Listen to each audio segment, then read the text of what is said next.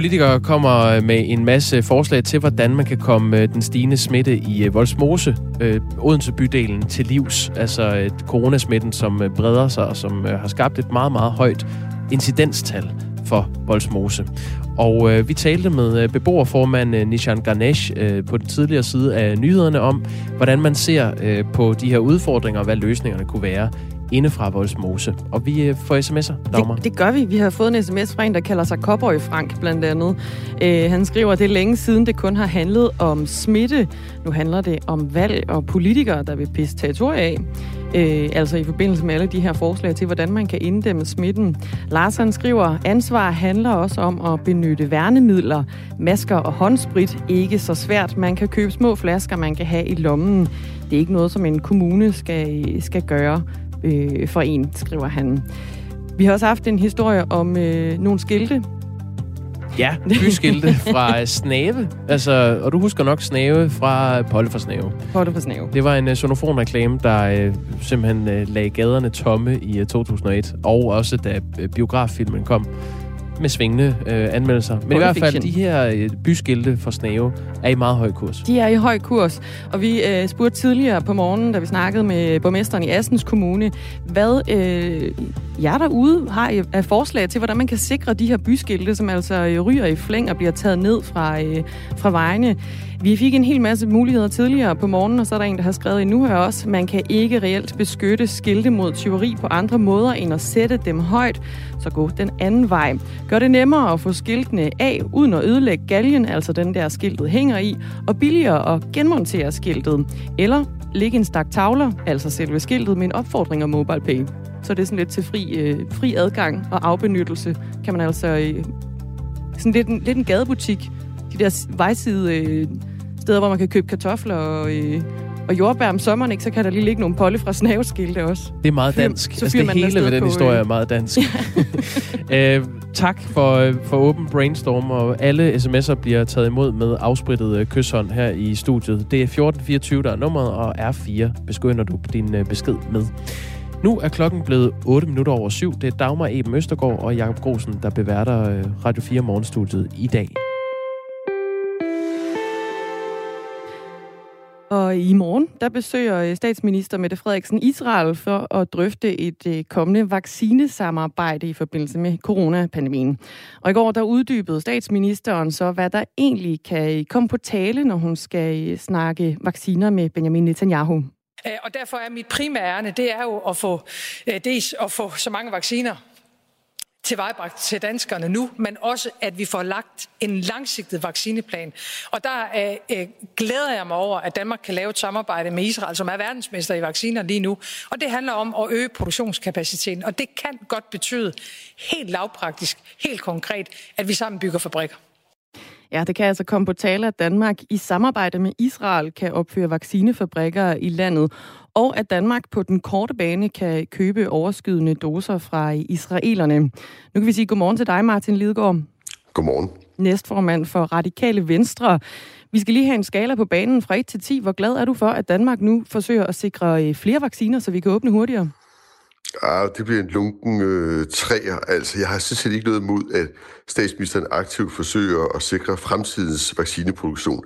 Men lige præcis denne her rejse, den har jeg godt nok svært ved at forstå. Altså, dels forstår jeg slet ikke, at det skal være en fysisk rejse. Vi ser jo midt i genåbningsforhandlinger herhjemme, og det her forsinker jo dem øh, flere dage. Øh, statsministeren skal i karantæne, når hun kommer hjem. Jeg forstår ikke, hvorfor det ikke bare kan være et virtuelt møde. Så er der det med vaccinerne. Øh, vi ved jo alle sammen, at øh, Israel er under hæftig kritik, fordi at man ikke har sørget for også at give vacciner til palæstinenserne i de besatte områder. Og øh, jeg har altså en dårlig smag i munden, hvis statsministeren ender med at komme hjem med en kuffert fuld af vacciner, som, øh, som billigt talt er, er taget ud af armene på palæstinenserne for at give øh, danskerne øh, vacciner nogle få dage før. Vi får jo en kæmpe ladning her om, om to-tre uger. Så den del af det kan jeg heller ikke lide, og så er det tredje rent udenrigspolitisk er Netanyahu, øh, som jo er korruptionsanklaget og under en massiv øh, beskydning. Han er i valgkamp, i Israel, så faktisk kan alle andre ikke få lov at rejse ind i Israel i øjeblikket.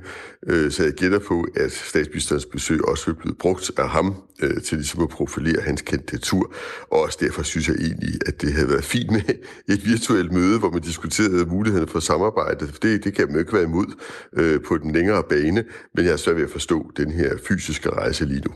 Hvis vi nu ser bort fra den, fra den fysiske, fysiske rejse, så er argumentet jo øh, for at gøre det her, at øh, EU-sporet simpelthen går for langsomt i forhold til, til vacciner. Det tager øh, for lang tid at få nok vacciner, der sikrer en hurtigere genåbning i Danmark. Martin Lidegaard, er du tilfreds med tempoet i EU i forhold til vaccineindkøb? Jamen altså, jeg kan sådan set ikke se noget vejen for, at øh, Danmark kan etablere en produktionskapacitet i Danmark, eller i Østrig for den sags skyld, som vi jo bare taler med, eller i Tyskland, som vi også taler med, eller i hvilket som helst andet øh, land. Den kritik, der har været af EU, øh, skyldes jo altså dels, at der er nogle leverandører, der har svigtet de kontrakter, som EU har lavet. Øh, grund til, at Israel har haft succes, det er fordi, de har fået den gode idé at tilbyde at være verdens største laboratorium for øh, et af de vaccinefirmaer, som, øh, som har været først. Og øh, det har, har øh, firmaet så taget imod. Det er jo ikke fordi, at Israel er et specielt godt sted at producere vacciner, men så må sige. Øh, de har jo fået bragt alle deres vacciner udefra. Så det forstår jeg heller ikke rigtigt, og det sender måske også et lidt mærkeligt signal til andre europæiske lande, men altså, jeg er ikke sart. jeg synes, at det er fint, at man prøver sig flere forskellige steder, men øh, det er svært at forstå, hvorfor det lige er i Israel, man tror, man kan få den bedste produktion. Så hvis nu en bilateral aftale med Israel kan sikre, at Danmark kan lægge den her øh, pandemi bag sig lidt hurtigere, skal vi så gøre det, eller skal vi lade være? Jamen som sagt, altså hvis der er noget forskning eller et eller andet, der gør, at det er bedre at gøre det med Israel, det er jeg bare ikke blevet præsenteret for, og har jeg heller ikke hørt om. Øh, jeg, jeg tror, det er ekstremt vigtigt, at Danmark samtidig satser på det europæiske spor.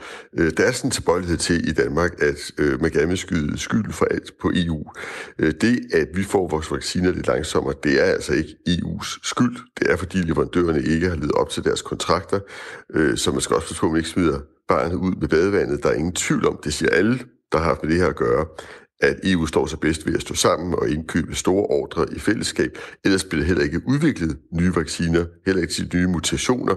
Så øh, man skal jeg har intet imod, at man samarbejder med alle mulige lande om at udvikle vacciner. Det kan man ikke være imod, det skal man heller ikke være. Men man skal selvfølgelig passe på, at man ikke svigter sine primære samarbejdspartnere og dem, der udvikler vaccinerne. Martin Lidegaard, øh, der er øh, kommet sms fra vores lytter Kim, der skriver, så bliver det jo spændende, om Martin Lidegaard og de radikale fortæller Mette Frederiksen om bekymringerne og sætter hælene i. Det er en gratis omgang, bare at sige det på Radio 4. Altså hælene i, øh, Ja, ja, jeg kan ikke råde over statsministerens rejsekalender, men øh, jeg vil da opfordre lytteren til at se min tweet fra i går aftes. Jeg tror ikke, statsministeren er i tvivl om, hvad vi mener om den sag, men øh, vi har desværre ikke noget flertal i Folketinget, øh, der kan stoppe hende, fordi at øh, Venstre øh, i hvert fald har tilkendegivet positivt, at de støtter rejsen til Dansk Folkeparti også. Men, øh, og det er jo sådan et demokrati, at man, man kan jo ikke gøre noget, uden man har flertal, men det man kan gøre, det er at gøre opmærksom på, når man synes, at det er en dårlig idé, og det gør vi selvfølgelig. Også internt? Også internt, både offentligt og internt. Det behøver ikke at være internt i den her omgang. Jeg siger det gerne højt og åbent og, og frit. Vi uh, tager lige et uh, pip mere med statsminister Mette Frederiksen. Vi har masser af diskussioner omkring vacciner internt i EU, og, og, og som du ved, er Danmark jo et af de lande, der skubber allermest på, også internt i EU, også hvad angår produktionskapacitet. Jeg, jeg ser det ikke som et modsætningsforhold. Men, men jeg vil selvfølgelig også gerne understrege, at vi kan nå meget med det europæiske vaccinationsprogram, men jeg er ikke sikker på, at vi når hele vejen. Martin Lidgaard, du sagde det selv tidligere, at EU skal, skal stå sammen i den her øh, pandemi, også i forhold til vaccinerne. Men hvis man skal tro statsministeren, så er Danmark altså ikke i gang med at bryde ud af det europæiske vaccinesamarbejde. Så hvor i består problemet i at lave et samarbejde med Israel? Jamen altså, det, det, det er jo lidt det samme som, at der er et par af de østeuropæiske lande, som er begyndt at samarbejde med, med Rusland øh, om import af deres vacciner. Øh, og øh, jeg, jeg bryder mig ikke om på den måde, at man ligesom sætter et, et modsætningsforhold op. Altså jeg har i modsætning til statsministeren bare stor tillid til, at øh, EU er den her opgave voksen. Man skal jo lige huske på, at for bare et år siden, der havde landene overhovedet ikke uddelegeret noget kompetence til EU eller kommissionen på det her område. Man havde slet ikke bemyndigelse til for eksempel at købe vacciner, eller udvikle vacciner, eller bestille vacciner. Det er slet ikke noget, vi har samarbejdet om før. Så EU har brugt et år på at opbygge hele den her kompetence og ekspertise på at samle medlemslandene om at lave fælles indkøb, på at sikre, at der blev lavet så store ordre, så vaccinerne blev udviklet i rekordfart. Øh, og så er der nogle leverandører, der har svigtet, og det er da brand ærgerligt. Og det skal man på en eller anden måde have sikret ikke sker igen. Og så skal man selvfølgelig blive endnu bedre til at koordinere og bestille mere. Men jeg sover helt trygt i forhold til, om EU er den opgave voksen. Jeg har haft samtaler med vores kommissær dernede, Margrethe Vestager, øh, der, der fortæller, at produktionskapaciteten jo er på vej op øh, og er øh, med rekordfart nok kommer til at skulle dække det europæiske behov, og forhåbentlig lidt mere, fordi Europa skulle også gerne kunne hjælpe til i andre dele af verden, ikke mindst Afrika og Mellemøsten, for de lande, som hverken har råd eller kapacitet til det. Det er ekstremt vigtigt, og jeg er overbevist om, at det er en opgave, vi kan og skal løfte sammen øh, også netop for at kunne konkurrere i det, man kalder vaccinediplomatiet, hvor, hvor Kina og Rusland jo rejser rundt i hele verden nu og forærer vacciner øh, rundt. Og der synes jeg bare, at man sender det stik modsatte signal, hvis man tager ned og begynder at tage vacciner hjem fra Israel, når det er vacciner, der måske retligt burde være brugt i de palæstinensiske områder, hvor det går meget, meget, meget langsomt med at få vaccineret befolkningen. Men tror du ikke, de fleste danskere er ligeglade med stemningen i, i EU, og Danmark laver et ekstra samarbejde med Israel for at skaffe flere vacciner? Øh, er det ikke fuldstændig underordnet, så længe vi bare kan få vaccineret danskerne hurtigst muligt? Jo, lad os nu se, om statsministeren overhovedet kommer hjem med nogle vacciner den her omgang. Men som vi alle sammen ved, så har vi jo heldigvis fået en ekstra ladning øh, vacciner på god, øh, hederlig manér. Øh, så vi starter jo om få uger på at vaccinere flere hundrede tusind danskere om dagen. Så hvis at øh, statsministeren kommer ind med et par vacciner, så kan vi altså højst fremrykke det med, jeg ved, jeg har nogle dage, øh, eller måske en uge, hvis vi er heldige. Det ved jeg jo ikke. Men det er det lav, vi snakker om, så det er ikke noget, der ændrer grundlæggende på, hvornår Danmark kan åbne igen eller ikke kan. Martin Lidegaard, tusind tak, fordi du var med. Selv tak. Næstformand for Radikale Venstre. Og øh, senere her i Radio 4 morgen, der taler vi med Socialdemokratiets EU-ordfører Jens Jol. Og det er klokken øh, lidt over 8. Og det er altså i morgen, torsdag, at øh, statsminister Mette Frederiksen, hun sammen med Østrigs kansler Sebastian Kurz drager til Israel for at diskutere et øh, muligt samarbejde om en vaccineproduktion blandt øh, flere forskellige emner, sådan helt officielt med øh, landets premierminister Benjamin Netanyahu. Klokken den er blevet 18 minutter over syv.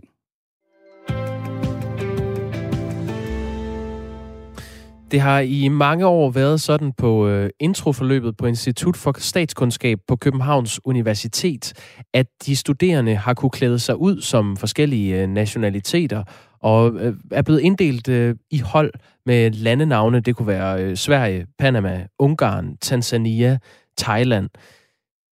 Det er slut nu. Ledelsen på Institut for Statskundskab på Københavns Universitet har besluttet at sætte en stopper for den her landeleg efter en øh, klage fra en studerende om brugen af Panama og Japan som holdnavne i introforløbet. Klageren mener, at øh, brugen af de her landenavne fører til øh, stereotyper, og vedkommende er ikke alene. Ifølge en øh, pressemeddelelse fra Københavns Universitet har 7% af de studerende oplevet, at brugen af landenavne i det her introforløb har haft en negativ karakter. Den tidligere statskundskabsstuderende og nu kandidat for Radikale Venstre til borgerrepræsentationen i Københavns Kommune, Emil Slot Andersen, er kritisk over for den her beslutning, og øh, det kan vi jo spørge dig om, hvorfor du er, Emil Slot Andersen. Godmorgen. Godmorgen. Godmorgen. Du kalder det her for et lavpunkt for Københavns Universitet. Hvorfor det? Jamen, det er jo fordi, at det kommer i øh, rækken af forskellige sager, som også ligesom har sat øh, aftryk øh, i offentligheden. Altså, vi har jo sagen om, at man ikke må synge øh, det danske sang af en ung blond pige. Øh, vi har haft sagen om, at man ikke måtte gå med sombrero på øh, jurastudiet, hvor man har lavet meget skarpe udklædningsregler. Så fik man forbudt kønsopvarmning på statskundskab. Og nu er vi så havnet der, hvor man ikke engang må, må lege forskellige lande. Og det er en, en vigtig debat, vi lige så godt kan få ud i offentligheden. Det er gået for langt helt grundlæggende man øh, er for formynderisk over for de studerende. Man risikerer at, at dræbe engagementet for dem, der engagerer frivillige øh, arrangementer. Og det synes jeg er en vigtig debat, øh, en vigtig debat at tage. Hvorfor, øh, vil du ikke lige sætte nogle ord på, Emil Slot Andersen, hvorfor det er en vigtig øh, tradition, at man kan klæde sig ud, øh, lad os sige, øh, som svensker. Øh, med, øh, nu ved jeg, der er et, øh, et øh, eksempel, som du selv har beskrevet i et indlæg i øh, Uniavisen, hvor man som svensker øh, spiser vaserknækbrød til morgenmad og hylder Zlatan og har malet sig gul og blå. Hvorfor er det en vigtig tradition? Det er fordi, det er noget, vi altid har gjort. Altså, det er ligesom med alle andre traditioner med, med vi, altså jeg, der startede på statskundskab tilbage i 2014. Det er noget, som overgangen over mig altid har gjort. Vi har, vi har gjort det i en øh, fredelig, vi har gjort det i en øh, inkluderende fællesskabsånd. Vi har haft det enormt sjovt med det. Og bagefter har vi kunne referere til hinanden som Uganda og Sverige og Ungarn. Og så har man fået et lille smil på læben. Og så har man forbundet sig i en universitetsverden, der egentlig til tider kan være ret så gold og kold og institutionel. Øh, så helt grundlæggende har vi gjort det, fordi det binder os sammen, og det er derfor, vi skal fortsætte med at gøre det. Anna Tras øh, Viemose er også øh, studerende på statskundskab, og hun har haft en lidt anden oplevelse. Hun har skrevet i øh, en debat på Twitter omkring det her til en anden studerende, omkring beslutningen om at stoppe den her landelej, og nu citerer jeg lige, hvad hun har skrevet. Da vi to startede på statskundskab sammen og fik landet Thailand, klædte vi os ud som ladyboys og lavede en sang, hvor vi gjorde grin med, at thailandske kvinder er til salg. Måske er det i orden, at tiden er løbet fra den slags traditioner. Citat slut. Har hun ikke en pointe i, at, at det her det, øh, det kan blive misbrugt, og at det kan gå for langt, og at øh, der kan være forskel på den fremstilling, man laver øh, mellem landene? Jeg synes også, det eksempel, hun kommer her med, det er en lille smule urovækkende hos mig. Og jo, hun har absolut en pointe i det. Men helt grundlæggende, så er det sådan med humor, at det skal leveres med kærlig hånd. Det hele, det handler om intention. Man kan sagtens lave satirisk øh, sjov med en kultur i en venligt sendet ånd, ligesom at vi lavede lidt sjov med Slatan, da, Slatan, da jeg gik på, på, på Sverigeholdet. Så det handler om at få sat nogle rammer for, hvordan er festkulturen, hvordan er vi sammen, accept, forståelse, vi rækker ud, vi accepterer hinanden, vi hylder mangfoldigheden. Øh, og så er der nogle eksempler, og dem vil der altid være på et studie, hvor at man øh, alt i alt er flere, flere tusinde, steder, øh, tusinde studerende, altså statskundskab er jo et kæmpe studie. Så er der nogle eksempler, hvor at man er kommet til at gå for langt, og så handler det om at, at sørge for at præge kulturen, så det går i en anden retning, end det vi har set. Men nu siger du, at det handler om at sætte nogle rammer, og det kan man jo øh, i hvert fald sige, at, øh, at Københavns Universitet gør her. Altså hvis man nu, lad os tage udgangspunkt i det her øh, eksempel, hvor man øh, et hold har klædt sig ud som øh, Thailand, øh, som Ladyboys, og synger en sang om, at øh, øh, thailandske kvinder er til salg. Hvis man nu som øh, en person med Thailands baggrund øh, kommer ind på statskundskab og oplever det her fra ens øh, medstuderende, at det at være fra Thailand bliver sidestillet med, at man er ladyboy, hvordan tror du så, man oplever det? Så kan det godt være, at man har synes, at øh, det er gået over grænsen. Og lige præcis det her eksempel er jo også blevet hævet op mange gange i medierne. Og det bliver jo så billedet på de her lege. Men jeg har et helt generelt indtryk af, og det gælder øh, sådan set også alle mine medstuderende, tror jeg godt, jeg vil sige, øh, på det hold, jeg kom fra, at vi gjorde det i en fantastisk hyggelig, sjov ånd. Vi fik sluset hinanden ind i fællesskabet. Det var det, det handlede om det er den ild, den gejst blandt tutorerne, altså dem, der arrangerer, arrangerer øh, øh, de her introuger. Men Emil Slot Andersen, kunne man, ikke, jamen, kunne man ikke have det sjovt på en anden måde? Altså det her, det er jo en, en leg, der er bundet op på øh, stereotyper. Altså at man øh, fremstiller, så, så har man det sjovt med, at i, i Sverige, der spiser de knækbrød og øh, hylder Zlatan. Øh, I Thailand, der øh, er alle ladyboys eller til, til salg. Altså det er sådan nogle stereotyper, man laver, og så kan man have det sjovt med det dit bedste argument, øh, du har øh, er kommet med, er, at det har man altid gjort. Øh, kunne man ikke vende den om og så sige, nu er det måske tid til, at man laver noget nyt? At man siger, det her det er blåt, det er rødt, det er gult hold i stedet for? Øh, mit bedste argument er ikke bare, at man altid har gjort det. Det er også, at man kommer til at slå ned på engagementet blandt tutorerne, dem der arrangerer øh, introerne. Men hvorfor er engagementet mit... bundet op på, at man skal være lande? Engagementet er bundet op på, at man har en vis form for frihed. At der er en vis grad af kreativitet, og at man ikke skal nervøst frygte, at der bliver slået ned på det næste sjove og kreative tiltag, som kommer fra tutorgruppen. Det er det, det er bundet op på arrangementet, selvfølgelig i en eller anden grad. Lad os prøve at kigge på den der grænse, du, øh, du taler om så, øh, Emil Stolt Andersen. Altså, øh, du siger, at, at nogle gange så kan det blive misbrugt, eller det er gået for langt. For eksempel i det eksempel der med Thailand. Hvordan laver man en grænse, så det her det ikke bliver misbrugt? Og hvem er det, der skal sætte den grænse? Jeg synes, at man fra starten som institutledelse på statskundskab burde sætte sig den mission for, at man præger os med nogle gode værdier. Der skal man ikke være så berøringsangste. Man skal prædike mangfoldighed, accept og inklusion for os. Og det skal man gøre med tutorgruppen. Det gør man i et eller andet omfang, men jeg synes også godt, at man kunne gøre det fra, fra, fra starten med alle de studerende. Altså give os en tale, hvor at I klart tydeligt, hvilke værdier I forventer af os. Så beskeder ud i vores indbakke. Gør det på internettet. Og, og der synes jeg klart, når jeg kigger tilbage på min studietid, at der, var, der har været en tendens til, at man, man er ikke bange for at kommunikere til os, når det gælder nye regelsæt, når det gælder institutionelle rammer, men når det gælder de værdier, man forventer, vi realiserer i vores samvær, så har jeg godt og vel set intet som helst. Og det er den måde, man får bugt med inklusion, eksklusionen på. Men øh, hvordan er det, den er inkluderende, den her leg? Det, det mangler jeg lige at forstå. Langt, langt, langt, langt, langt de fleste engagerer sig i den her leg, fordi vi ved, det er en tradition.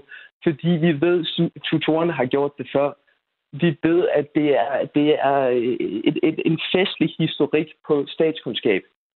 Der, nu ved vi, der, der er 7 procent af de studerende, der har oplevet, at det her det var negativt, og det her det var øh, stereotypiserende. Altså det har haft en negativ karakter, at man har lejet øh, den her landenavne-leg. Øh, så det er jo ikke alle, der har synes, at det her det har været, øh, været sjovt. Så hvordan, hvordan inkluderer det ligesom øh, at øh, fordre et sammenhold Jamen, jeg, har, jeg mener sådan set, at jeg har svaret på, hvordan at uh, traditioner, de sørger for at inkludere folk netop på, på tværs af generationer også. Det har også noget at gøre med, at vi kan, vi kan møde hinanden og referere til, om du var på Sverige, der dengang I lavede det på den sommertur osv. Og så er det rigtigt, at så er der, så er der 7 procent, som, som har svaret hurtigt i et spørgeskema. Man synes, traditionen måske er gået for langt. Sådan vil det altid være, uanset hvad man laver Altså, sådan lidt uh, halvbåget uh, satirisk underholdning. Det synes jeg hører sig til i, uh, i den uh, danske kultur helt grundlæggende. Og så bare lige en hurtig pointe til omkring de her klager. Jeg respekterer i utrolig høj grad, hvis nogen skulle føle sig udenfor. Altså intet gør mere ondt i mit hjerte. Men mig bekendt, så ved vi ikke, eller så har vi i hvert fald ikke fået det at vide indtil for ganske nylig via en pressemeddelelse, skal jeg høre, hvor mange det er, der har, der har, der har lavet de her klager hvor omfangsrige de helt grundlæggende er, hvor meget øh, de enkelte personer, som, øh, som har følt sig trådt over termen, de er blevet påvirket af det.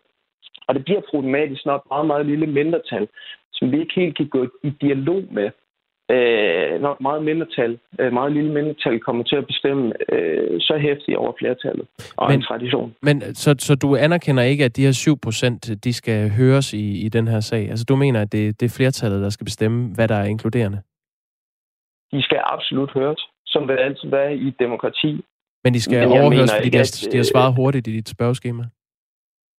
Nej, jeg mener ikke, at de skal have lov at transformere en tradition. Selvfølgelig skal de høres. Jeg har jo også netop redegjort for, hvordan jeg mener, at man øh, bør tale hvilke værdier, der skal kende sig en festkultur i studielivet.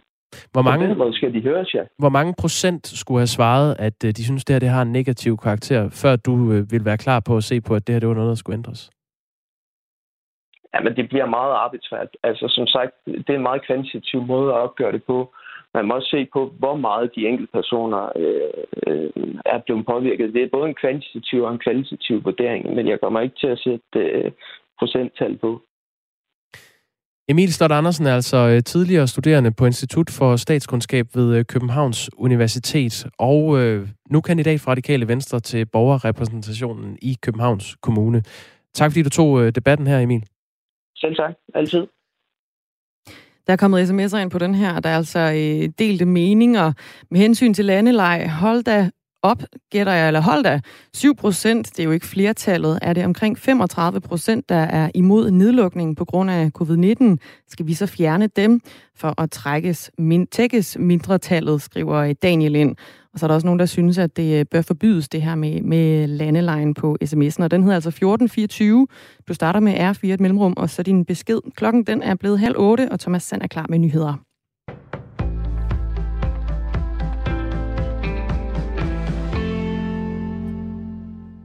I over et år har coronaviruset været i Danmark. Ifølge statsminister Mette Frederiksen har coronaudbruddet i løbet af den tid afsløret svagheder i sundhedsvæsenet. Det siger hun ifølge TV2. Statsministeren mener, at effektiviseringen og specialiseringen af sundhedsvæsenet er kommet med en pris. Hun peger på, at der ikke skal mange indlagte til, før sundhedsvæsenet bliver presset. Der er ikke plads til, at folk er indlagt i særlig høj grad i sundhedsvæsenet længere, og der skal ikke særlig meget belastning til, for eksempel på intensivafdelingerne, før det begynder at gå ud over andre, siger Mette Frederiksen i tv-programmet Libert på TV2 News. Sundhedsstyrelsen vurderer, at sygehuse kan opretholde næsten normal aktivitet, når mellem 300 og 450 er indlagt med coronavirus. Det fremgår af et bilag fra Sundhedsstyrelsen. Men ved ca. 600 indlagte er vurderingen, at en del planlagt aktivitet skal udskydes. Hvis det stiger til 1000 coronaindlagte, skal al planlagt aktivitet udskydes. Ved maksimal spidsbelastning i en kortere periode kan sundhedsvæsenet håndtere ca. 1600 coronapatienter er vurderingen. Det vil dog få store konsekvenser for behandling af akutte og livstruende sygdomme. Inden for de nærmeste par dage vil alle landets forældre til børn i grundskolen og børnene selv modtage et brev fra børne- og undervisningsminister Pernille rosenkrantz teil og socialminister Astrid Krav. Her understreger de, at børn, der mistrives, har lov til at komme hen på skolen til nødundervisning. Det skriver politikken. Anne Philipsen fortæller. Problemet er ifølge børne- og undervisningsminister Pernille rosenkrantz teil at alt for få elever får fysisk en nødundervisning på deres skole. Man opfatter stadig tilbuddet som noget, børn, der er socialt udsatte i al almindelighed, skal benytte sig af. Men det er ikke tilfældet. Det er en bredere gruppe af børn, og særligt jo længere tid vi er lukket ned. Derfor vælger vi at gå meget massivt til værks, hvor vi opfordrer til at bruge de muligheder, der er, lyder det fra Pernille rosenkrantz tegl Også lærere, pædagoger og skoleledere får et brev fra ministeren med besked om, at det er afgørende, at elever med særlige udfordringer modtager undervisning på skolen. Lige nu får omkring 5% af eleverne fysisk nødundervisning på skolen, men reelt er det ca. 20% af eleverne, der vil have bedst af at komme i skole og få nødundervisning her under skolenedlukningen. Det siger Lars Kvartrup, der er professor på Danmarks Institut for Pædagogik og Uddannelse på Aarhus Universitet. Han står bag en undersøgelse om forårets skolenedlukning. Et forslag fra regeringen om at kunne udpege politikere til stillinger i det danske diplomati får en hård medfart fra faglige organisationer. Regeringen ønsker i enkelte tilfælde at kunne besætte stillinger i udenrigstjenesten med politikere, uden at stillingerne skal slås op. Det vil regeringen gøre ved at ændre i opslagsbekendtgørelsen. Det kan for eksempel betyde, at regeringen kan udpege en politiker som ambassadør i et land, uden at slå stillingen op. Det går slet ikke, mener Henning Thiesen, der er formand i Akademikernes faglige organisation, Djøf. Når vi er så stærkt bekymrede over det, så er det jo fordi, det, det grundlæggende ændrer den forvaltningspolitiske tradition med partipolitiske neutrale embedsmænd, vi har i Danmark. Så det er øh, Djøf meget imod, og det er sådan set en samlet lønmodtagerside i staten imod. Mest skyder først tåge eller rimtåge mange steder, men op ad dagen klarer det noget op, og især i Nordjylland kommer der efterhånden lidt sol. Temperaturer op mellem 2 og 7 grader, lunest i Nordjylland, svag til jævn vind omkring vest, i Nordjylland stedvis op til frisk vind. Der er her til morgen risiko for rimglatte veje mange steder, især i den sydlige halvdel af landet. Det var nyhederne på Radio 4. Mit navn er Thomas Sand. Jeg giver ordet tilbage til Dagmar Eben Østergaard og Jakob Grosen.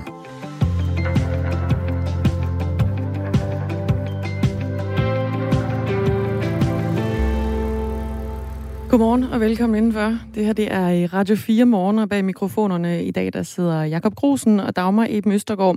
Klokken den er blevet 26 minutter i øh, 8. Og det skal være slut med øh, introleje på Institut for Statskundskab på Københavns Universitet, hvor de studerende klæder sig ud som forskellige nationaliteter og bliver inddelt i hold med, det kunne være navne som Ungarn, Tanzania, Thailand, Panama, Sverige. Uh, det har ledelsen på instituttet uh, sat en stopper for. Uh, de mener, at den her leg er med til at fastholde uh, stereotypiske forestillinger om, hvad uh, andre lande er for nogle mennesker. øh, eller mennesker, der kommer fra andre lande, er for nogle mennesker. Og øh, vi får en del sms'er på øh, den her øh, historie. Vi havde et interview med den tidligere statskundskabsstuderende Emil Slot Andersen øh, for 10 minutter siden. Vi har øh, Henrik, der skriver ind, jeg bliver sgu ikke fornærmet, hvis nogen i andre lande skulle lave sjov med mig. Øh, med mig med to frikadeller, en klaphat og en fadøl. Stop hysteriet nu. Det var altså øh, Henrik, der skriver ind på 1424'eren med en, øh, en hilsen her til morgen. Så er der en, der skriver, at øh, der er vel ikke noget i vejen for landeleg, men det at klæde sig ud som ladyboy og andet nedværdigende må ophøre. Der er også en, der skriver, at du kan ikke være inkluderende ved at gøre grin med andre. Det er altid ekskluderende, også selvom det gøres for sjov øh, med dem, det går ud over, skriver Jan ind med venlige hilsner. Tina skriver også med venlige hilsner, og så skriver hun, øh, traditionerne på uni fejler ikke noget. Hvis noget beskrives som stereotypt, indebærer det netop, at vi godt ved, at ordet ikke er dækkende generelt. Og så skal vi i øvrigt holde fast i, at det er lige så legitimt at fremstille negative som positive sider, for eksempel et folkefærd, så længe det er sandheden. Du foreslog også, øh, Jakob Grosen, at man i stedet for at lave landeleg, kunne lave øh, rødt, blåt eller gult hold, altså ligesom skille op i nogle farver. Der er en, der skriver, ja, ja, skid bare på de farveblinde. Alt kan opfattes som krænkende af nogen, så lad nu være med at puste mere til det bål, skriver Thomas Hansen herinde fra, øh, fra Roskilde. Altså øh, masser af meninger om øh, det her med landeleg, om man må det. Må man godt klæde sig ud fortsat på Københavns Universitet, er det jo så i, i det her tilfælde. Ja, Anders han øh, svinger sig op i den helt høje lian og skriver, det må forbydes, og derefter bogafbrænding må være den rigtige vej. Tror jeg, Anders skriver med et øh, med tunge udkend. Ja, sådan en dejlig lille smiley face der. Ja. Vi har en, der skriver, humor skal leveres med kærlighed og et glimt i øjet, og så kan man sagtens have landeleg. Man kan jo også bruge den sorte humor til at påpege ting, som ikke er ok i vores verdenssamfund. For eksempel det her med Thailand og at kvinder er til salg. Her kunne man jo næste gang have en tyk dansker, som køber en stærk thailandsk kvinde, som giver den fede danske mand en endefuld. Og så gør man det sjovt og fremhæver problematikken. Altså jeg tænker, at det er noget med at vende den lidt på hovedet øh, så man nok gør mere grin med Danmark, end man gør med, gør med Thailand i virkeligheden. Ikke? Det er, man slår øh... i hvert fald to fluer med et smæk, skriver øh, lytteren herind. Så ja, humor kan være leveret med kærlighed eller ondskabsfuldt, og det skal selvfølgelig leveres med kærlighed, skriver vedkommende her. Meget konkret forslag. Vi kommer til at tale med institutlederen øh, fra Statskundskab på Københavns Universitet, Nina Greer, og det gør vi øh, lidt over halv ni. Så hvis det, her, det er en øh, debat, der interesserer dig af principiel karakter, det er jo sådan set ræt spændende, så øh, hæng på til lidt over halv ni. Der taler vi med hende. Lige for nu er klokken bare lidt over halv otte, og det er Dagmar i Møstergaard og øh, Jakob Grosen. Godmorgen. Godmorgen. Københavns Kommune er øh, kommet med et nyt udspil, der skal stoppe larm fra nattelivet, som mange københavnere de har klaget over i flere år. I udspillet her, der lægger kommunen blandt andet op til at begrænse antallet af nye nattetilladelser, altså alkoholbevillinger efter klokken 24 ved midnat til restaurationer og bar i København, som vil gælde alle ugens dage. Øh, forslaget det får kritik fra flere af de blå partier i Københavns borgerrepræsentation. Godmorgen, Cecilia Lolling Skovgaard. Godmorgen. Du er beskæftigelses- og integrationsborgmester i øh, kommunen valgt for Venstre. Hvorfor er du imod det her forslag om at begrænse alkoholbevillingerne i København? Jamen selvfølgelig skal vi jo finde en balance mellem hensynet til beboerne og hensynet til nattelivet. Men når man går ud med en plan, der de facto vil lukke nattelivet inden for ganske få år, så må vi alligevel stille os lidt undrende og tænke, har de overhovedet forstået, hvad der foregår? Vi øh, sidder øh, her nu efter et år med corona, hvor ingen har kunne komme ud og danse, ingen har kunne komme på cocktailbar, øh, hvor øh, vi ved, at restaurationerne de øh, styrtbløder. Og øh, forslaget så fra Alternativet, det er fremadrettet, der kan vi lukke byen kl. 12. Vi synes, det er et helt forkert signal at sende. Så er det dårlig timing eller et dårligt forslag? Det er jo især dårlig timing, fordi det rammer os her øh, oven på et år, hvor vi alle sammen har siddet derhjemme. Men grundlæggende er det jo også et vildt forslag. Det er jo et forslag, der vil tage øh, København et sted hen, hvor vi slet ikke er i dag. Altså en by, der lukker ned kl. 12, hvor alle kan gå hjem, og det gælder jo så både øh, de studerende, vi gerne vil tiltrække, det gælder os, der bor her, der også gerne en gang imellem vil ud og have en drink eller ud og danse. Det gælder de turister, vi gerne vil være attraktive overfor. Så vi synes altså simpelthen, den er ramt skævt. Men er det ikke netop jo egentlig en god timing? Nu er vi jo vant til ikke at være ude, så når vi så endelig må komme ud igen i det københavnske natteliv, så må vi kun komme ud til klokken 12. Det, på en eller anden måde, så giver det mening, at, øh, at når man åbner op igen, så er det så fra klokken 12.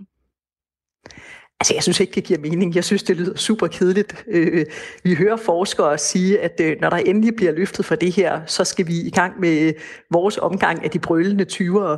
Og hvis det så i København skal være de viskende 20'ere, så synes jeg jo, det er en kæmpe mulighed, vi forpasser.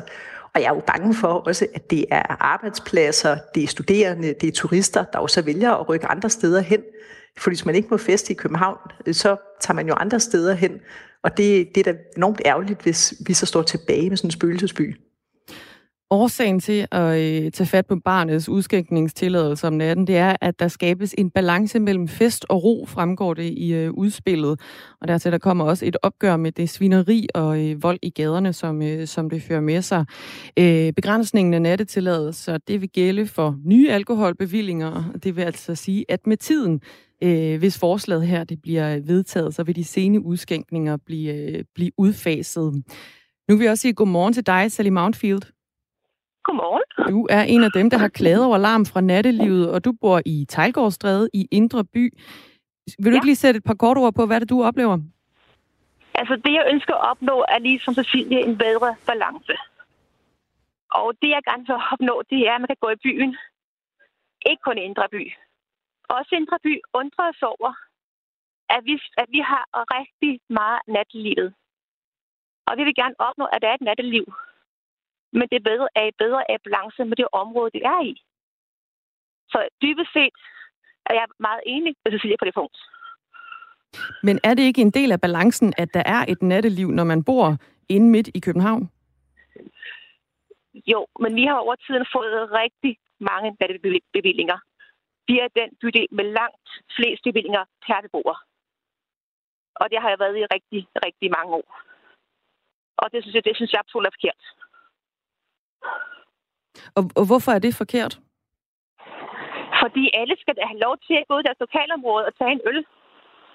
Hvorfor skal man tage en bus ind til Indre By for at gøre det? Det vil ikke ødelægge nattelivet, hvis du er mere spredt ud. Altså, så man skal sprede nattelivet ud, sådan, så det bliver ja. stopper klokken 24, men så starter lidt tidligere og foregår flere steder i byen? Ja, men som du sagde lige før, det vil jo stoppe klokken 24. Der er allerede eksisterende bevillinger, som vil have lov til at køre til senere, når den her corona er væk. Ja. Det vil være bagefter, at det vil ændre sig. Sally Mountfield, det er bare lige for at forstå, hvad, hvad den negative konsekvens øh, er for dig af, at, øh, at der er et natteliv efter kl. 24 i Indre By normalt, når der ikke er pandemi. Altså, hvordan påvirker det dig negativt? Man kan jo sige, at det, der støjer, er ikke barne. Det, der støjer, det er, at der går folk til og fra bare, og der står folk uden for barne. Vi kan jo se, at i det omfang, barnet er lukket, er der stille foran barne. Men vi kan se, at snart der er en bar, der er åben, så vil vi høre folk, der råber og sker på gaden foran en bar. Vi hører folk, der råber og sker på, på vej til og fra en bar. Det er problemet. Problemet er, at folk tager alt meget af festen med uden dørs. Vi vender lige tilbage til dig, Cecilia Lodding Skovgaard beskæftigelses- og integrationsborgmester i, øh, i Københavns Kommune. Er det, er det ikke fair nok at sætte nogle begrænsninger op for at imødekomme de her mange borgere, som er plaget af støj fra, fra nattelivet, som eksempelvis Sally Mountfield, hun nævner? Jo, men vi bakker jo helt op om, at øh, man også skal kunne, kunne bo i København og skal kunne, kunne sove i København. Øh, Venstre har foreslået, øh, at vi skal have ordenskorps på gaden, vi skal have flere natteværter. Øh, vi er sådan set med på også at kigge på, om man skal begrænse adgang til at kunne købe sprut hele natten øh, i 7-Eleven og døgnnetto osv. For jeg er meget enig med, med Sally i, at den larm, der jo er, det er jo sådan set ikke inde på barne, det er ikke inde på diskotekerne, det er jo den, der er ude i gaden. Og den vil vi meget gerne være med til at prøve at begrænse. Vi vil også gerne være med til at give restauratøren et større ansvar for at få folk hurtigere ind, øh, sikre, at dem, der står i kø uden for deres bar, de ikke råber og skriger, øh, ryger udenfor, øh, kaster med flasker osv. Og det er restaurationslivet jo faktisk indstillet på. Jeg er bare ikke sikker på, at man vinder det ved at lukke det hele kl. 12. Vi så det jo i sommer. Hvad skete der, når man lukkede kl. 12? Jamen så flyttede festen jo bare ind i kongens have. Så var der larm og ballade og knivstikkerier der. Den flyttede ud på Islands Brygge, den flyttede ud i Nordhavn. Øhm, så grundlæggende kommer vi jo det jo ikke til livs bare ved at lukke. Vi gør det til gengæld super uattraktivt, både for turister og for det lidt mere voksne publikum at tage ind til byen. Hvis man ikke kan spise en god middag på en af vores restauranter, gå videre på en cocktailbar Måske endda gå ud og danse, hvis man har lyst til det. Cecilia Lollings alle de her ting, du nu riser op, som er nogle af de negative ting, der kan foregå i, i et natteliv, hvordan vil I så mere konkret sørge for, at det ikke kommer til at ske? Jamen altså, vi, øh, vi vil jo meget gerne have, have politiet mere på gaden. Vi vil også gerne fra Venstres side være med til at øh, finde penge til det ordenskorps, vi har foreslået. Vi har jo tidligere været dem, der trak bevillingen til natteværterne igennem. Det vil vi gerne fortsætte med. Vi vil også gerne øh, give flere penge til at få ryddet hurtigere op. Og vi vil bestemt gerne være med til i samarbejde med restauratørerne og forpligte dem på, at de tager et større ansvar for den del af gaden, der ligesom hører til deres, øh, deres øh, forretninger. Øh, så vi har en lang række forslag, som vi sådan set bakker op om i planen. Det er bare, at hvis indgangsvinkelen med den her plan fra Alternativets side, det er, at vi skal lukke nattelivet kl. 12, sende København hjem i seng, så er vi ikke enige. Sally Mountfield, vi vender lige tilbage til dig, fordi nu kom uh, Cecilia Lonning Skovgaard her med nogle muligheder for, hvad, hvad, hvad, hvad hun i hvert fald vil gøre for at, uh, for at gøre bylivet i København mindre larmende. Er det nogle, uh, nogle ting, som du kan stille dig tilfreds med? Det er gode forslag. Men igen, når du har ekstra bare og bevillinger i et område, er det meget svært at styre. Det du kan kun komme så langt med de forslag. Vi er nødt til at gøre noget i selve området, hvor der er mange varer. Men selvfølgelig, alle forslag, der gør faktisk med hensyn udenfor, de er gode. Altså, der var jo blandt andet et ordenskorps, hun bragte ind på banen her. Det er vi for. Det er for? Vi er for, at vi både motiverer folk, øh, både via natteværter, eller skulle jeg er for, at motivere folk både med natteværter, og med et ordenskorps, der kan byde. Ja, det er for. Sally Mountfield, øh, bare lige her til sidst. Altså der, når man diskuterer sådan noget med støj i en by, så øh, kommer det jo altid op, at man siger, jamen hvis man ikke kan øh, klare lugten i bageriet, så kan man jo gå ud af bageriet. Og hvis man vælger at bo inde midt i København, i det indre København, skal man så ikke acceptere, at der er et liv også om natten? Da jeg flyttede herind, var der meget, meget, meget færre barer. Det her er noget, der er sket de sidste 10 eller 20 år hvor jeg tror, vi er gået... Jeg kan ikke huske det præcis tal lige nu, men jeg tror, vi har fordoblet antallet af barer i et lille område. Så ja, selvfølgelig skal vi have liv i byen. Men igen, vores undren er, hvorfor er det liv stedet så meget i indre by i forhold til andre dele af byen? For det var selvforstærkende effekt, hvis det er der alle barne er, er folk mere tilbøjelige til at være ikke at opføre sig ordentligt i det område. Må man så ikke bare tilpasse sig den udvikling, der er sket? Jamen, hvorfor kom barnet herind? Fordi det var hyggeligt. Hvorfor skal barnet have lov til at, at bruge vores stemning og så ødelægge den? Det er den, det er den fornemmelse, mange vores beboere sidder tilbage med. Men jeg tror også, der er nogen, der synes, at stemningen netop kommer af, at der er bare. Altså, der er jo også nogen, der frekventerer området, øh, fordi der er et natteliv. Ja, men hvis du kigger rundt i bare stor del af Indre By, måske ikke stor del, hvis du kigger rundt dele af Indre By, så vil du opdage, at der i området er meget, meget få butikker at det er en god udvikling. At du har en gade, der er død om dagen, fordi den kun indeholder natklubber. Cecilia... Vestergade. Undskyld. Vi vender lige tilbage til, til Cecilia Lonning øh, Skovgård igen, som altså er beskæftigelses- og integrationsborgmester i, øh, i kommunen. Øh, hvad, hvad siger du til det, øh, Sally Mountfield, hun siger her? Jamen, altså, jeg, jeg tror jo, vi er enige om, at vi skal have en balance, og, og jeg er også helt enig i, at, øh, at hvis indre by over tid øh, udvikler sig til at være øh, kan man sige, et sted, hvor der øh, kun er, altså om dagen er, er lukket bare, øh, fordi det er midt på dagen, og så ellers øh, genbrugsforretninger øh, og, og en enkelt kaffebar, så er det jo en, en trist og, og en kedelig by. Vi skal selvfølgelig have et mix af øh, spændende butikker, vi skal have kædebutikker, vi skal have restauranter, vi skal have caféer, og vi skal have øh, nattelivet. Så der skal selvfølgelig være, være det mix. Vi har jo sådan set også bakket op om, at man har haft en, kan man sige, altså praksis, hvor man som sådan ikke har tildelt mange nye natbevillinger øh, igennem en årrække, netop for at komme det her til livs. Det vi bare står overfor nu, det er en plan, hvor man hver eneste gang en bevilling skal fornyes, hver eneste gang en butik måtte, eller en bar måtte skifte ejer, og det kommer jo til at ske nu her, fordi der er folk, der knækker nakken på corona, så kan kommunen inddrage bevillingen. Og det vil sige, at inden for en 4-5 år, så har vi ikke øh, nogen steder tilbage i København, der har bevillinger efter kl. 12. Det er jo meget, meget voldsomt. Øh, og det vil jo have vanvittige konsekvenser i forhold til selvfølgelig dels de aktører, der er i nattelivet, men jo også i forhold til beskæftigelsen, i forhold til vores brand som turismeby, og i forhold til den, den by og det liv, vi alle sammen glæder os til på et tidspunkt at kunne komme ud og leve igen. Og det lader vi blive øh, være ordene fra dig, Cecilia Lønning Skovgaard. Tusind tak. Selv tak. Ha' en god dag. God dag. Beskæftigelses- og integrationsborgmester i København. Og også tusind tak til dig, Sally Mountfield. Tusind tak. Beboer i, øh, i København i Indre By.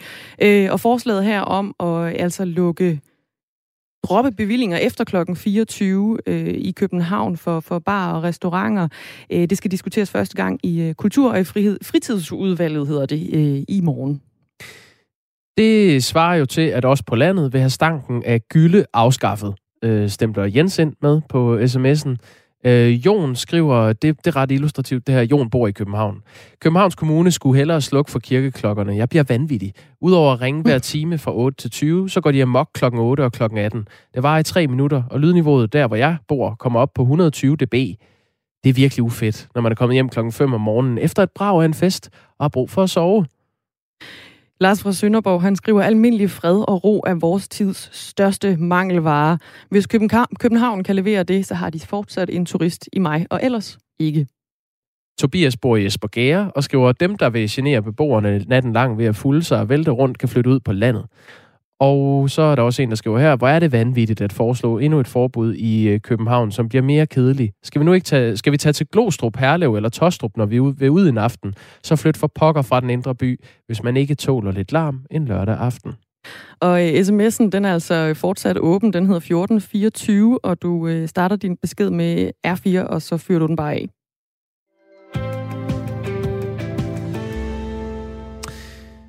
Mette Frederiksen, landets statsminister, rejser i morgen til Israel i øh, jagten på flere vacciner. Det er en historie, vi øh, følger her til morgen. Spørgsmålet er, om Danmark kan blive ved med at nyde godt af det europæiske vaccinesamarbejde, og så samtidig gå enegang med Israel. Og det øh, skal vi se, om du kan gøre os lidt klogere på, Mads Sandeberg. Godmorgen. Ja, godmorgen. Det er jo, ja? Ja, det er jo ganske apropos den her sidste historie, om, om man kan få i poser i sæk det er ligesom et tema her til morgen faktisk, øh, men det er fint, du kommer ind nu og belyser den her del af, af øh, den her historie. Du er EU-journalist på Radio 4, så har vi fået dig på plads med Sandeberg. Hvad er det helt præcist, statsministeren skal til Israel for? Men altså, hun skal ned og snakke om vacciner med Benjamin Netanyahu, som er den israelske premierminister, og det skal hun så sammen med den østriske kansler Sebastian Kurz. Og samarbejdet mellem, mellem de øh, tre går faktisk helt tilbage til starten af pandemien, da de oprettede sådan en klub for lande, der klarede det sådan så nogenlunde godt øh, i, i, i den situation.